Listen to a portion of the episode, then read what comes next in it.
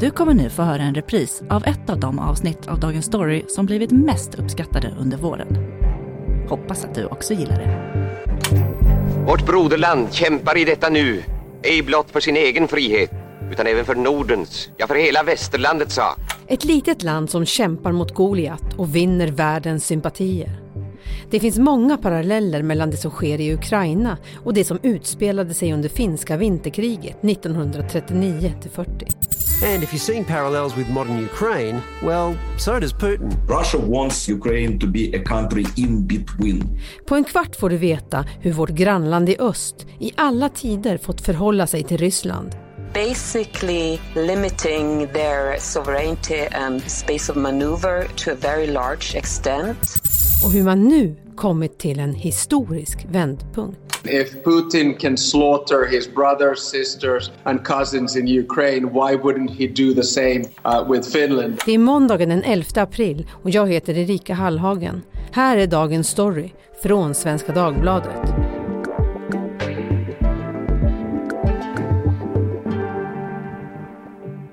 Therese Larsson Hultin, utrikesanalytiker här på Svenskan och Maggie Strömberg som bevakar politik för oss. Eh, vad är er första tanke när jag säger Finland?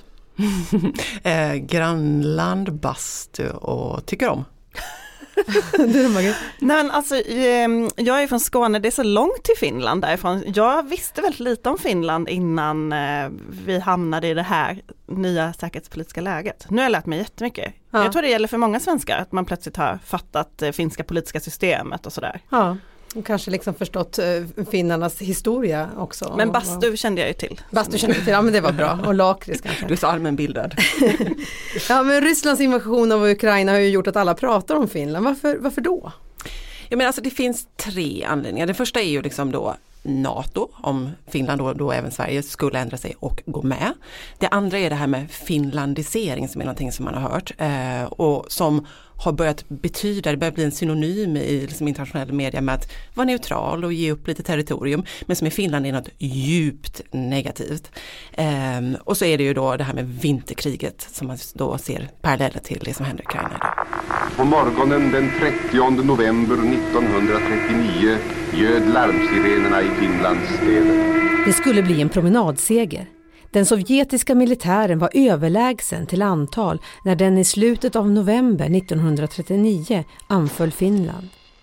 Strax innan hade Sovjet krävt att få vissa gränsområden av Finland för att bättre kunna skydda Leningrad mot en tysk attack. Men finnarna vägrade. Om några dagar är vi i Helsingfors, sa den sovjetiska militären segervisst när de rullade in i landet. Men Finland bjöd på starkt motstånd och fick omvärldens sympatier. Finland kallar Sveriges ungdom till kamp för Nordens frihet. Finlands sak är vår. Kom med i frivilligkåren. Vårt land, vårt land, Sverige bidrog med vapen och 10 000 svenskar ställde upp som frivilliga soldater. Ja, på många sätt påminner finska vinterkriget som pågick i tre och en halv månad om det vi nu ser hända i Ukraina. Ett söndrat land, förändrade landsgränser och tusentals döda. Onsdagen den 13 mars slöts freden. Men vilken fred!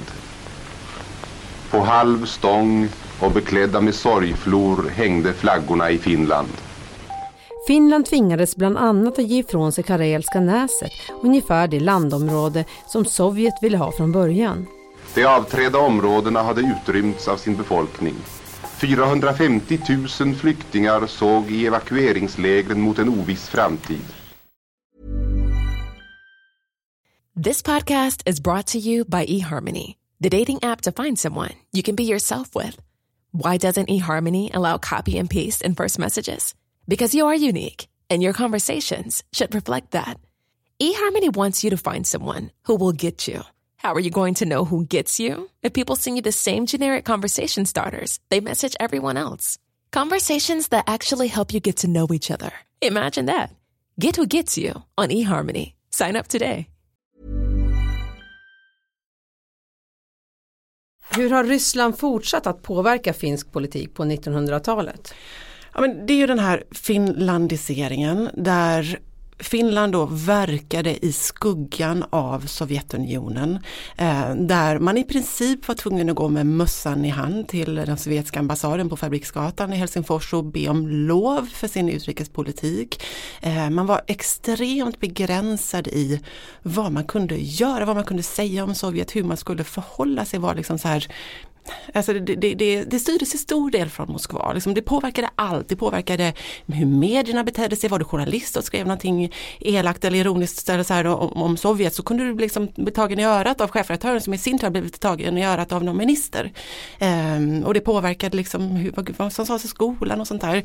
Ehm, så att det har ju haft, alltså ända fram till Sovjetunionens fall så, så hade det en enorm påverkan på Finland att verka i den här skuggan av, av Sovjetunionen. Och vilken roll spelar den finska presidenten fronten eh, i, i Finland i relationen mot Ryssland? Ja, menar du Sauli idag mm. så har ju han en, en jag ska inte säga nära relation till Putin för det har han ju inte, men han har ju beskrivits som något av en Putin-viskare, någon som ändå liksom här, har träffat presidenten regelbundet, eh, som har haft en dialog. Så sent som, jag tror det var den 11 mars, så ringde Niinistö till Putin och pratade och gav en bild av, liksom, av hur man reagerar i väst och försökte förklara för honom varför och så vidare. Så han ses som en person som ändå har en så pass bra lina som man kan ha med Putin just nu. Um, så att um, han spelar roll men samtidigt så ska man inte överskatta någon persons betydelse i väst nu när det gäller Putin. Mm. Trots att vi är grannar så, så har Finland en annan inställning till krisberedskap. Vad, vad är den största skillnaden eh, tror ni?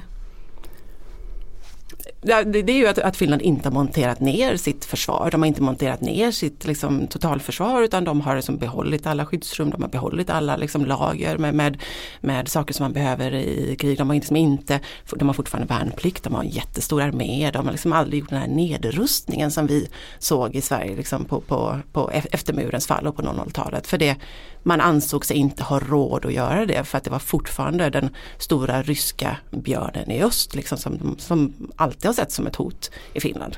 Man, har, man pratar ju ibland om eh, eh att Sverige skulle vara fredsskadat, alltså att vi saknar de insikterna som finländarna har ehm, och erfarenheterna. Samtidigt kan man ju se i den svenska regeringen till exempel så har vi ju både en försvarsminister och en finansminister som är barn till finska krigsflyktingar Um, mm. Både Peter Hultqvist och Mikael Damberg mm. har ju den erfarenheten. Peter Hultqvist har också uh, vuxit upp i Finland nära den ryska gränsen var han på sommaren. Alltså han bodde ju i Sverige men han åkte dit på semester med sin mamma som var därifrån. Så att jag tror att uh, den här freds, det fredsskadade Sverige som man pratar om, det är ju delar av Sverige men många har ju också andra erfarenheter. Mm. Mm. Och, och minnena av vinterkriget lever ju fortfarande kvar i Finland. Eh, alltså det lever fortfarande människor som, som liksom var veteraner, det, det, finns barn som, som, som upplevt detta. Så att det liksom, nu dyker det också upp liksom med en rum i, i medierna, liksom folk som, som var med då som, som berättar hur det är. Så det, det är ju ett land som där krigen fortfarande, alltså den här blodiga historien som Finland har som vi inte har, fortfarande är väldigt levande och närvarande. Mm.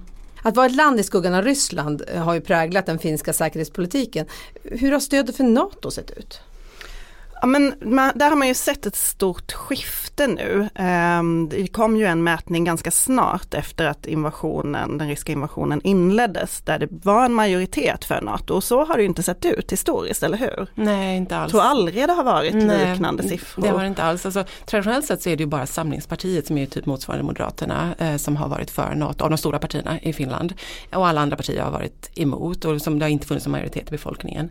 Eh, man såg det att en kraftig sväng uppåt liksom efter 17 december liksom när, när de här kraven från Moskva kom eh, på att liksom Sverige och Finland inte skulle gå med och liksom att, att NATO skulle tillbaka till 1997 års gränser och sådär. där började det växa någonstans. Men där har man ju hos de andra partierna nu, sett en, också en väldigt mm. snabb mm. rörelse mm. som faktiskt egentligen väl började med det gröna partiet, mm. Eh, finska, alltså motsvarigheten till Miljöpartiet, där flera framstående politiker gick ut och sa att de hade ändrat uppfattning om NATO och säkerhetsläget var så pass förändrat. Mm. Och sen har ju alla partier där haft ganska öppna processer om man jämför med Sverige där det har varit lite mer slutet.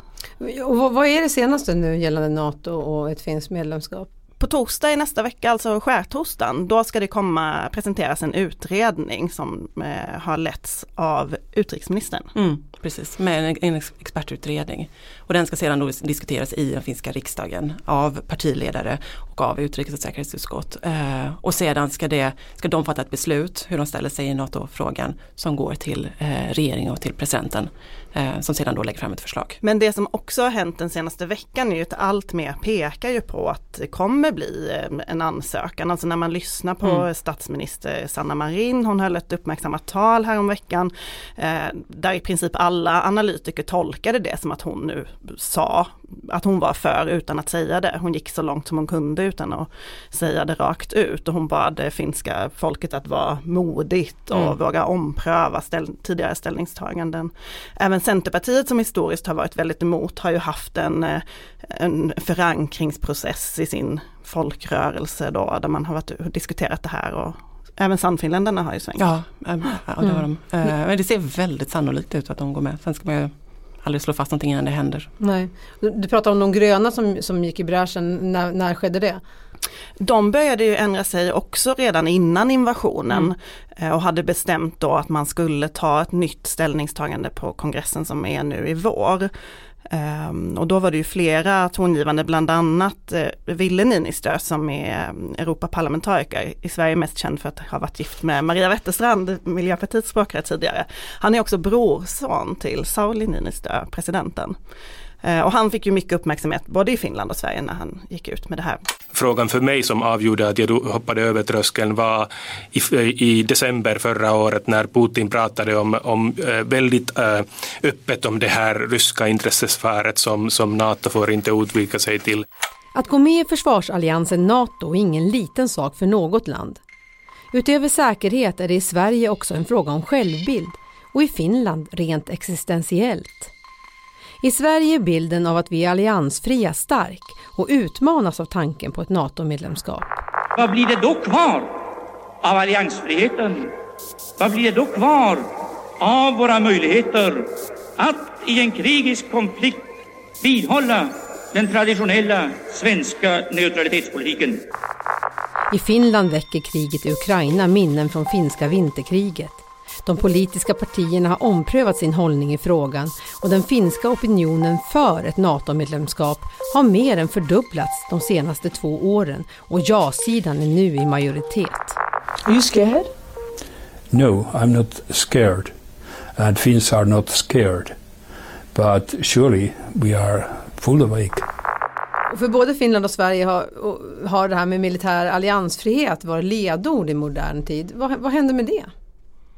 Ja, världen har förändrats uh, och då anpassar man politiken efter det.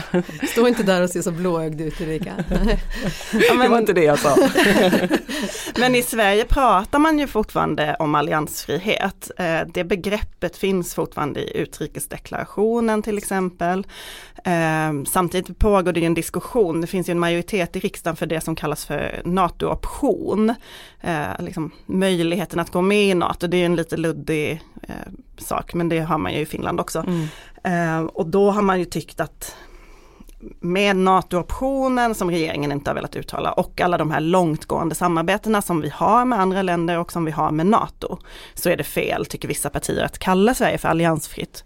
För regeringen har det ändå varit väldigt viktigt att hålla fast vid det. Man har hört Peter Hultqvist säga det väldigt många gånger under kriget nu att eh, Sveriges säkerhetspolitiska linje ligger fast, vi är mm. fortsatt alliansfria. Jag vet inte om, säger man det i Finland, använder man det uttrycket där? Jag, jag, vet faktiskt inte om jag ska vara helt ärlig. Men, men, men det intressanta är ju liksom så här, i Finland nu, så man säger där att man vill att Sverige ska gå med tillsammans. Eller rätt sagt så här, man vill att det de gör, att vi ska göra vad vi än gör tillsammans. Eh, men om Sverige väljer att inte gå med så kommer Finland ändå gå före och göra som de själva vill. Eh, och samtidigt så har vi ju, så historiskt sett, eller de senaste decennierna så har ju Sverige lite granna olika olika partier såklart men liksom, som gömt sig bakom Finland eller skylt på Finland och säger att vi kan inte gå med i NATO för då skulle vi lämna Finland ensamma. Så det kommer ju bli väldigt intressant att se om det nu är så då att Finland går med vad som händer här. Mm. Och då blir ju faktiskt Sverige ensamt ja. i vår del av Europa att inte mm. vara med. Och vad innebär det? Hur påverkar det opinionen i Sverige i sin mm. tur? Dessutom så, vi ses ju redan från Moskvas håll som en liksom, ett ovänligt inställt land som vi ändå är så nära NATO. Har anledningen att inte gå med i NATO för Finland varit de samma som, som för Sverige? Nej men det är ju den här 132 mil långa gränsen eh, och att liksom ständigt leva med ett hot och att faktiskt ha blivit invaderad av sin granne i öst. Som, så de har ju på ett helt annat sätt haft ett konkret hot än vad vi har haft skulle jag säga.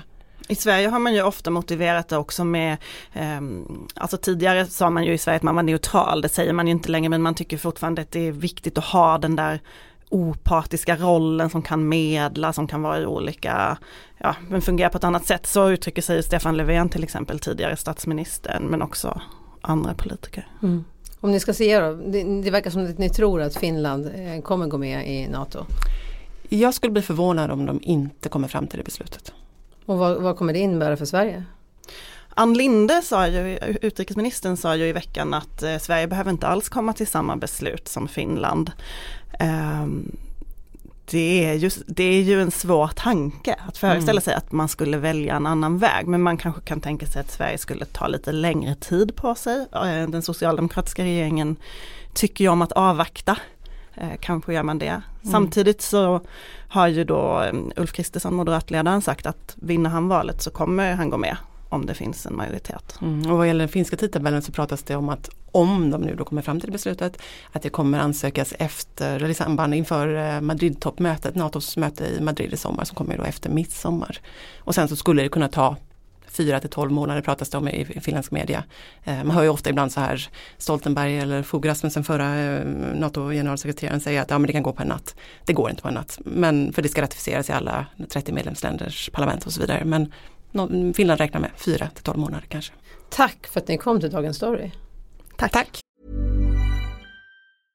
Hej, jag Ryan Reynolds. At Mint Mobile, we like to do the opposite of what Big Wireless does. They charge you a lot, we charge you a little. So naturally, when they announced they'd be raising their prices due to inflation, we decided to deflate our prices due to not hating you. That's right. We're cutting the price of Mint Unlimited from $30 a month to just $15 a month. Give it a try at mintmobile.com slash switch. $45 upfront for three months plus taxes and fees. Promote for new customers for limited time. Unlimited more than 40 gigabytes per month. Slows. Full terms at mintmobile.com.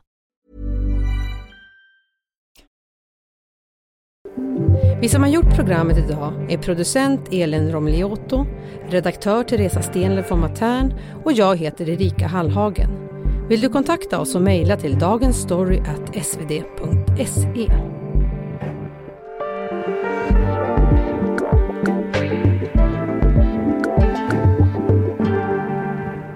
Du har lyssnat på en repris av Dagens Story. Under sommaren producerar vi färre avsnitt än vanligt. Men den 10 augusti är vi tillbaka igen som vanligt. 15 minuter varje vardag och så TV-kollen på lördagar.